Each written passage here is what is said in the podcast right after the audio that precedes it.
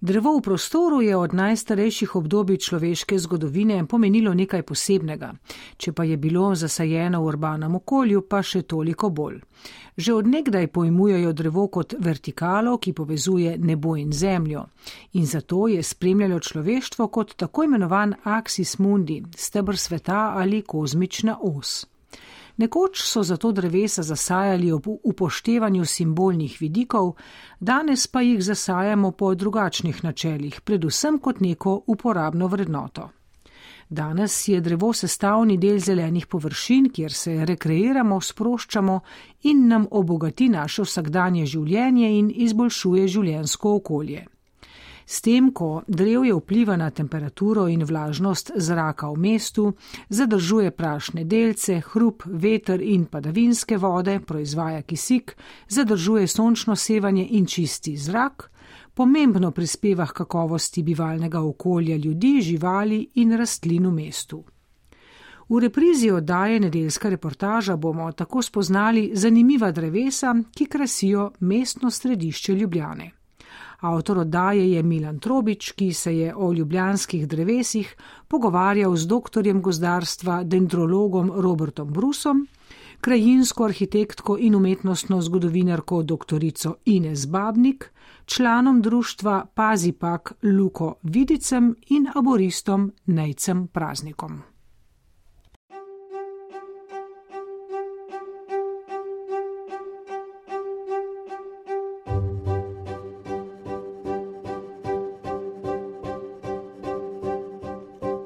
Pogled na mesto z druge perspektive, tako da upoštevamo zelene površine in drevesa znotraj betonskih, asfaltnih in drugih struktur, nam pokaže neko drugačno podobo. V tem smislu je Ljubljana zelo zanimiva, saj je zelo zelena, kot radi rečemo. Mnogi namreč opazijo, kako je upeta med dva zelena jezika: Golovec z grajskim gričem in Šišenski hrib dodatno pa ji daje zeleno podobo reka Ljubljanica in druge parkovne površine, ki so bogate z drevesi. Pove dr. Ines Babnik, krajinska arhitektka in umetnostna zgodovinarka na oddelku za umetnostno zgodovino Filozofske fakultete v Ljubljani. Zanimivo pri Ljubljani je to, da že od časa Valvazorja, pa že prej, vemo, da so predvsem lipe imele zelo pomembno vlogo v mestu. Tako da že Valvazor piše o lipah na starem trgu, pri Šentakovski cerkvi, pa pri cerkvi v bistvu svetega Nikolaja, torej pri stolnici in pa lipi na gradu. In tam, kjer je stala lipa na gradu, je, ko lipe več ni bilo, ostalo še poimenovanje lipnik. Tako da že te tri lipe, pa bile so tudi na tem prostoru Ajdovščine, zelo blizu, so vedno bile na take pomembne zelene točke, kjer so se ljudje združevali te zgodbe s povodnim možom, naprimer preširna, so vezane na te lipe.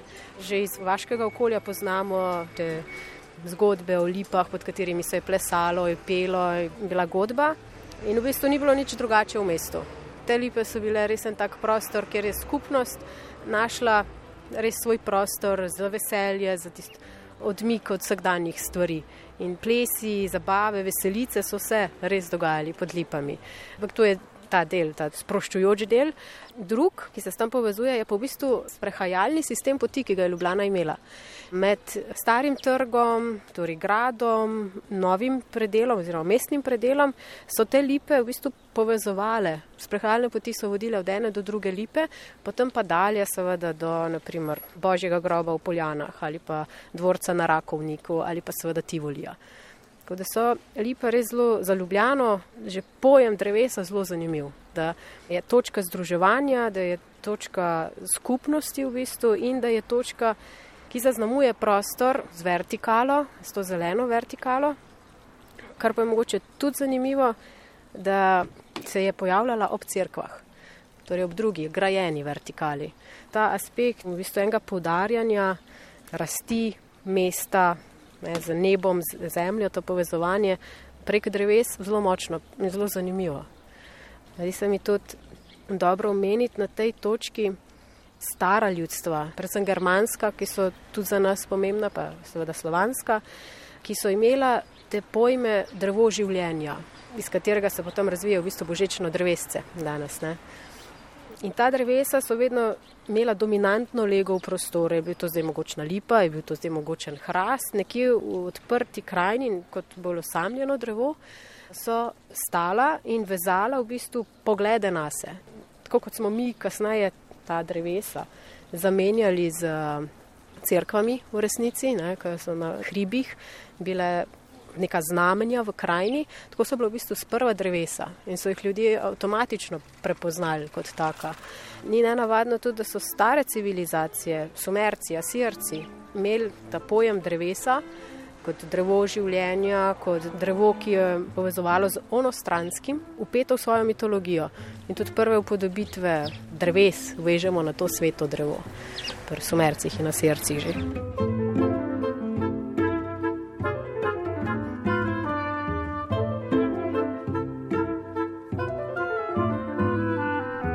Ljubljana je uvrščena med svetovna mesta dreves, kar ni na ključje, saj sega gost praktično v središče mesta in tako je bila Ljubljana leta 2018 zelena prestolnica Evrope. Tudi skrb za mestno drevnino oziroma za drevje v Ljubljani se v zadnjih petih letih zelo izboljšuje. Kaj pa pomenijo drevesa za mesto?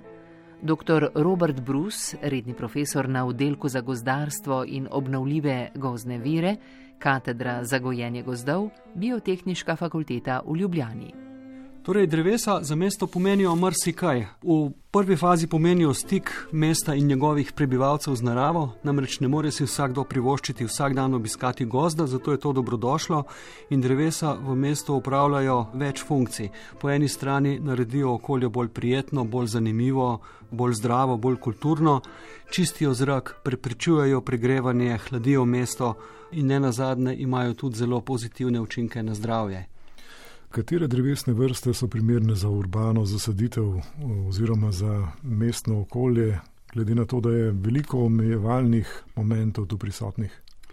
Izbor vrst je zelo pomembno vprašanje.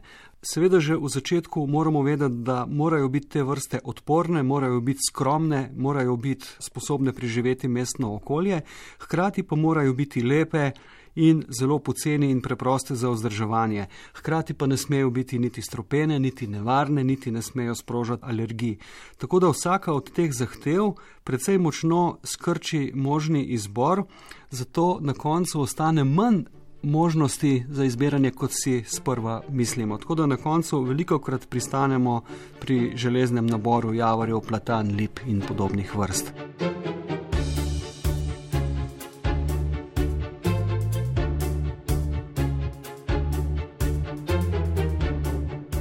V okviru javne gospodarske službe pri podjetju Voka Snaga skrbijo za 38.800 dreves, ki rastejo predvsem na javnih površinah, ki so večinoma v lasti mestne občine Ljubljana. Gre pa za parke, otroška igrišča, zemlišča o prometnicah in nekatere druge površine. Med drevesnimi vrstami je zasajenih največ ostrolistnih javorjev. Razlogi za to pa so v tem, da je ta avtohtona vrsta razmeroma nezahtevna za vzdrževanje in je tudi medonosna. Poleg tega hitro raste in je lahko vzgojiti nove sadike. Tej vrsti sledijo breze, lipe, platane, divji kostan. Med drevesnimi vrstami v mestu Ljubljana najdemo kar nekaj eksotičnih dreves, pove Nec Praznik, arborist, svetovalec v podjetju Voka Snaga. Predvsem v zadnjih časih smo zaradi tega zavedanja o težavah, ki jih prinašajo podnebne spremembe, smo v zadnjih letih začeli delati na povečevanju biotske pestrosti, zato smo začeli uvajati nove drevesne vrste, ki naj bi bile bolj odporne na te ekstreme, ki jih eh, pričakujemo v prihodnosti ta pestrost v bistvu nekako pomeni stabilnejši sistem, če se pojavi nek specializirani škodljivec, ki popolnoma lahko uniči eno drevesno vrsto. In če je ta zelo močno zastopana, lahko naredi dosta veliko škodo, zato mi s to biotsko pestrostjo, povečevanjem biotske pestrosti, skušamo doseči to, da bo stvar stabilna. In zaradi tega tudi uvajamo nove eksotične drevesne vrste. Kakšen primer za tako drevesno vrsto je lahko srčasto listna jelša, ki smo jo lansko leto uvedli dva ali tri drevorede, smo z njo zasadili na Baragovi, v Fužinah, pa na vodovodni cesti. To je en primer. Jih je pa še kar nekaj. Kakšna je povprečna starost teh dreves, katera so najstarejša ali pa kje se pravzaprav nahajajo ta najstarejša drevesa? O povprečni starosti bi v bistvu jaz težko govoril, ker jo je iz stoječega drevja dosti težko oceniti. Tega mi niti ne počnemo. Bolj uporabljamo neke jasno merljive podatke, to je naprimer obseg drevesa na prsni višini. Lahko vam dam podatek za poprečen obseg dreves, ki jih mi vzdržujemo in to je 78 cm na prsni višini. Seveda imamo tudi podatek o najdebelejšem drevesu in to je s 596 cm platana na Streliški ulici. To je tisto drevo, ki je bilo tudi razglašeno za drevo leta 2019.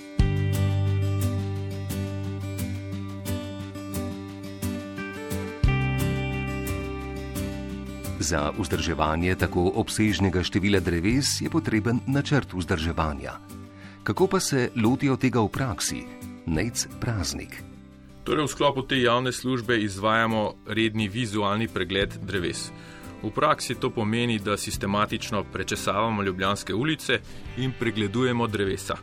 Iščemo neke težave, ki bi lahko predstavljale potencijalno nevarnost v prihodnosti, s tem mislim predvsem na kakšne suhe veje, suhe vrhove, trosnjake gliv, druge nepravilnosti. Če zaznamo nepravilnosti, jih z obrezom popravimo, skušamo popraviti, v skrajnem primeru je drevo treba tudi odstraniti ampak ga potem v naslednji sezoni nadomestimo z novim drevesom. V zadnjih letih veliko časa namenimo preprečevanju poškodb na drevesih med gradbenimi deli, ogromno se zdaj dela v Ljubljani, veliko prenov je in zdaj smo mi zadnje čase zraven, da z nekimi malenkostnimi spremembami v projektu ali pa s malce spremenjenim pristopom izvajanja lahko preprečimo kakšne hude poškodbe dreves, predvsem koreninskega sistema, ki bi lahko spet v prihodnosti ogrozile stabilnost drevesa ali pa varnost okolice. Po novem drevesa na gradbiščih zaščitimo, korenine zaščitimo pred izsuševanjem prekomernem debla, pa pred mehanskimi fizičnimi poškodbami. Tako da, poleg tega, da sadimo nova drevesa, tudi skušamo skrbeti za obstoječa drevesa ko odstranite starejše drevesa, v javnosti zbudijo kar veliko negodovanja. Ja, verjamem. Ljudje se navadijo na drevo, da je prisotno v njihovi okolici že dalj časa, ampak mi nobenega drevesa ne odstranjamo brez razloga. Najprej ga spremljamo vrsto let in če se pokažejo sumljivi znaki, pri posebnih drevesih odredimo še specialni strokovni arboristični pregled z uporabo posebnih metod, rezistografa, nateznega testa, dodatno preverimo drevo in če se izkaže, da je po vseh teh kriterijih drevo nevarno za okolico, ga je treba že odstraniti. Da ne bo prišlo do kakšne katastrofe, oziroma mi ne bi preprečevali take stvari, da prihaja do katastrofe. In osnova pri vašem delu je digitalni katastar dreves kako ta kataster deluje, katere podatke vse vsebuje. Ta kataster vsebuje poleg lokacije drevesa še neke osnovne podatke o drevesu, to je fotografija, vrsta drevesa, obseg, neka ocena višine in splošno stanje. Poleg splošne vitalnosti beležimo tudi neke strukturne nepravilnosti, prisotnost trosnjakov, kakšnih poškodb, suhih vej in že vse izvedene ukrepe na tem drevesu, torej kaj v preteklosti smo se na tem drevesu že naredili. Ker so z vsakim rednim vizualnim pregledom, ne, ki ga izvedemo na približno 18 mesecev, novi podatki nalagajo v arhiv in ima ta kataster vedno večjo vrednost, ki bo z leti samo še rasla. Torej, da dam en primer drevesa, ki smo ga naprimer zasadili letos, To drevo bo imelo čez 50 let nekako popolno zabeleženo zgodovino opravljenih storitev, slikovni prikaz razvoja, rasti tega drevesa, kako se je obseg povečval, ker vse to beležimo in vnašamo v katastar, v bistvu kot nekakšen zdravstveni karton tega drevesa. Tako da čez 100 let tisti, ki bojo podedali ta katastar za nami, bo imel ogromno nekih podatkov zanimivih. Ne?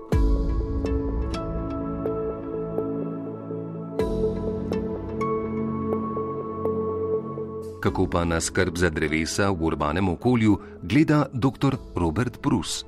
Skrb eh, za mestno drevnino v Ljubljani lahko rečem, da je v zadnjih 10 do 15 letih močno napredovala. Vse bolj redko srečujemo drevesa, ki bi bila na javnih površinah neprimerno obglavljena. Pravzaprav tega že dolgo nisem videl.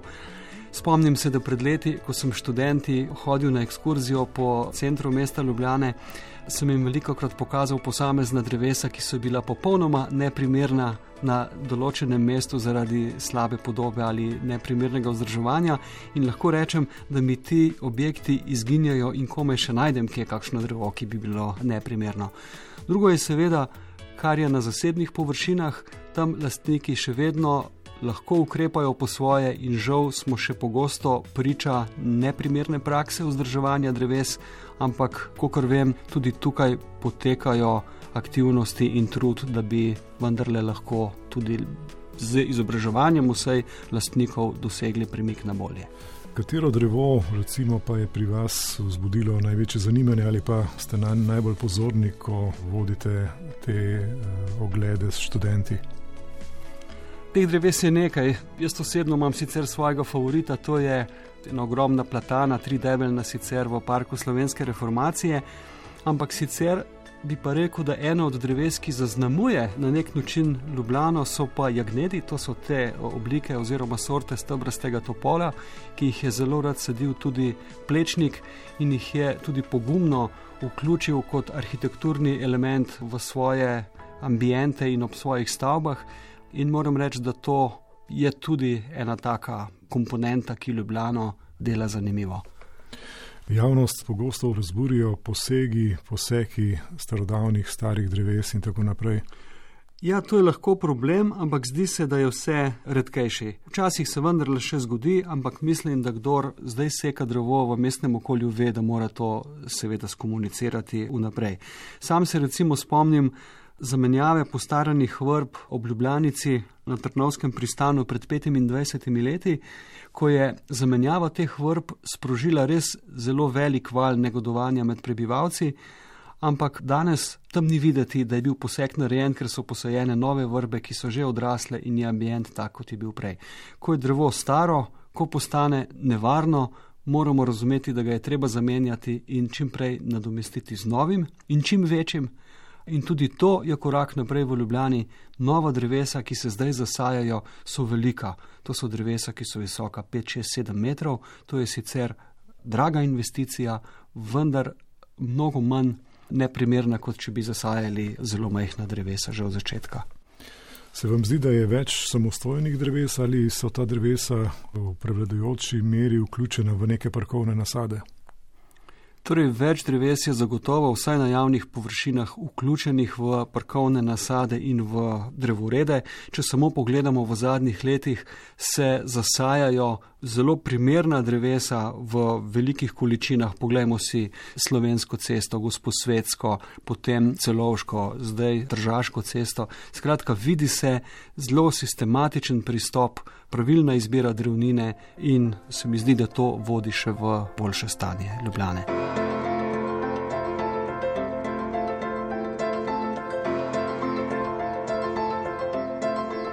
V mestni občini Ljubljana poteka tudi zanimiva akcija, v kateri vsako leto izberejo naj drevo leta. Kako ta akcija poteka? Najc praznik. Ljubljana je bila že drugo leto zapored prepoznana kot mesto dreves. To priznanje ste nam podelili Fundacija Arbor Day in Organizacija Združenih narodov za prehrano in kmetijstvo, ki na ta način v bistvu spodbujata mesta k skrbi za svoja drevesa. Ena izmed teh aktivnosti, ki so jo podeljevalci prepoznali, je tudi akcija Drevo leta. Občani torej lahko sami do nekega datuma predlagajo kandidate za Drevo leta, komisija na to zbere sedem finalistov, med katerimi občani na to ponovno z glasovanjem izberejo Drevo leta. Drevo, ki zmaga, dobi eno tako luškano medaljo, ki mimo idočni sporoča, da je to drevo leta. Ne? Se pravi, zveje, skrošne visi tista medaljica in to je to. Naslednjo leto se stvar ponovi in občani lahko predlagajo novo drevo leta in izberejo tudi novo drevo leta. Pa po vašem mnenju je dovolj dreves v Ljubljani? Vedno je prostor še za kakšno drevo. ne moram reči, da jih je malo, ker dosti dobro smo zastopani z drevesi, če primerjamo kakšne druge evropske prestolnice. Vsem bi bilo lahko še kaj več narejenega, predvsem na osveščanju ljudi o pravilni negi, se pravi, kakšna je pravilna nega dreves, o tisti zaščiti med gradbenimi posegi. Nasploh skupna številka drevesno se mi pa zdi, da je kar lepano.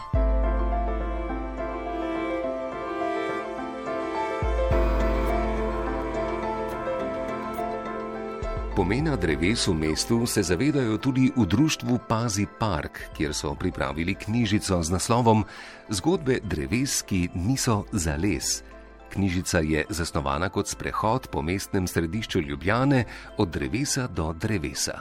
Luka Vidic, član društva Pazi Park. Drevesa so gotovo en pomemben gradnik mest, morda se včasih niti ne zavedamo, kakšne pomene vse vsebujejo ne? in uh, kakšne funkcije upravljajo v mestu, od tega, da blažijo klimo, dvigajo raven zračne vlage, blažijo hrup, tudi proti virom umetne svetlobe nas morda ščitijo, predvsem se pa radi zadržujemo v njihovi senci ob poletnih vročinah. Ne smemo zapostaviti tudi teh vseh estetskih funkcij oziroma vidikov, ki jih vsebujejo, ne, od tega, da nas navdihujejo, ko v pomladanskem času odženejo, svetijo, v jeseni se obarvajo v lepo jesensko barvo.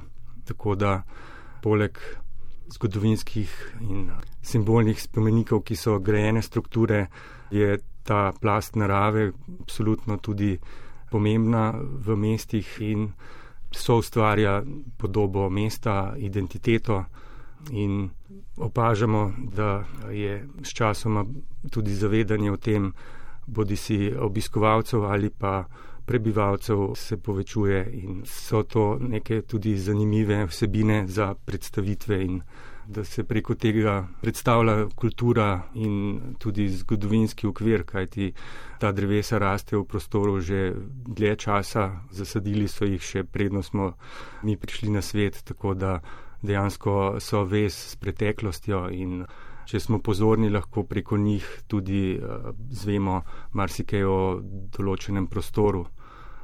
Na vaši spletni strani je zanimiv zapis ali pa recimo stavek, da je v sodobnem mestu teže posaditi in vzgojiti mogočno drevo, kot zgraditi visoko hišo.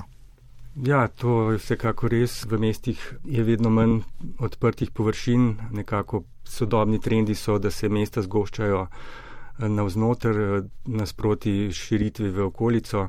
Sporedno s tem pa tudi negativni vplivi na neke zelene površine se stopnjujejo. Moramo se zavedati, seveda, da drevo za razvoj in za neko zdravo rast potrebuje svoj prostor tudi v tleh, kar pomeni, da so tla zračna, da je dovolj hranil na razpolago.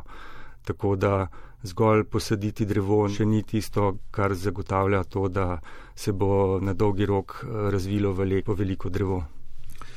Vaše društvo je pripravilo tudi zanimive brošure, ki nosijo naslov Zgodbe dreves, ki niso le za les. To je tema o drevesih v mestnem središču Ljubljane. S tem smo začeli to idejo, kako v bistvu predstaviti ta lepa drevesa v Ljubljani, kajti v samem ožjem središču je 20 naravnih vrednot, ki so zaščitena kot eh, naravna dediščina in zamislili smo si kot eno krožno pot, ki povezuje 11 lokacij z temi drevesi in ob vsakem drevesu smo navedli zgodbo o tem drevesu, kako je se v tem prostoru pojavilo in kaj nam recimo sporoča. Na en način smo želeli stvar predstaviti tudi skozi nek igriv način, tako da smo k posameznim drevesom dodali tudi neke naloge, ki jih na licu mesta lahko narediš, morda tudi za to, da se pritegne mlajšo populacijo.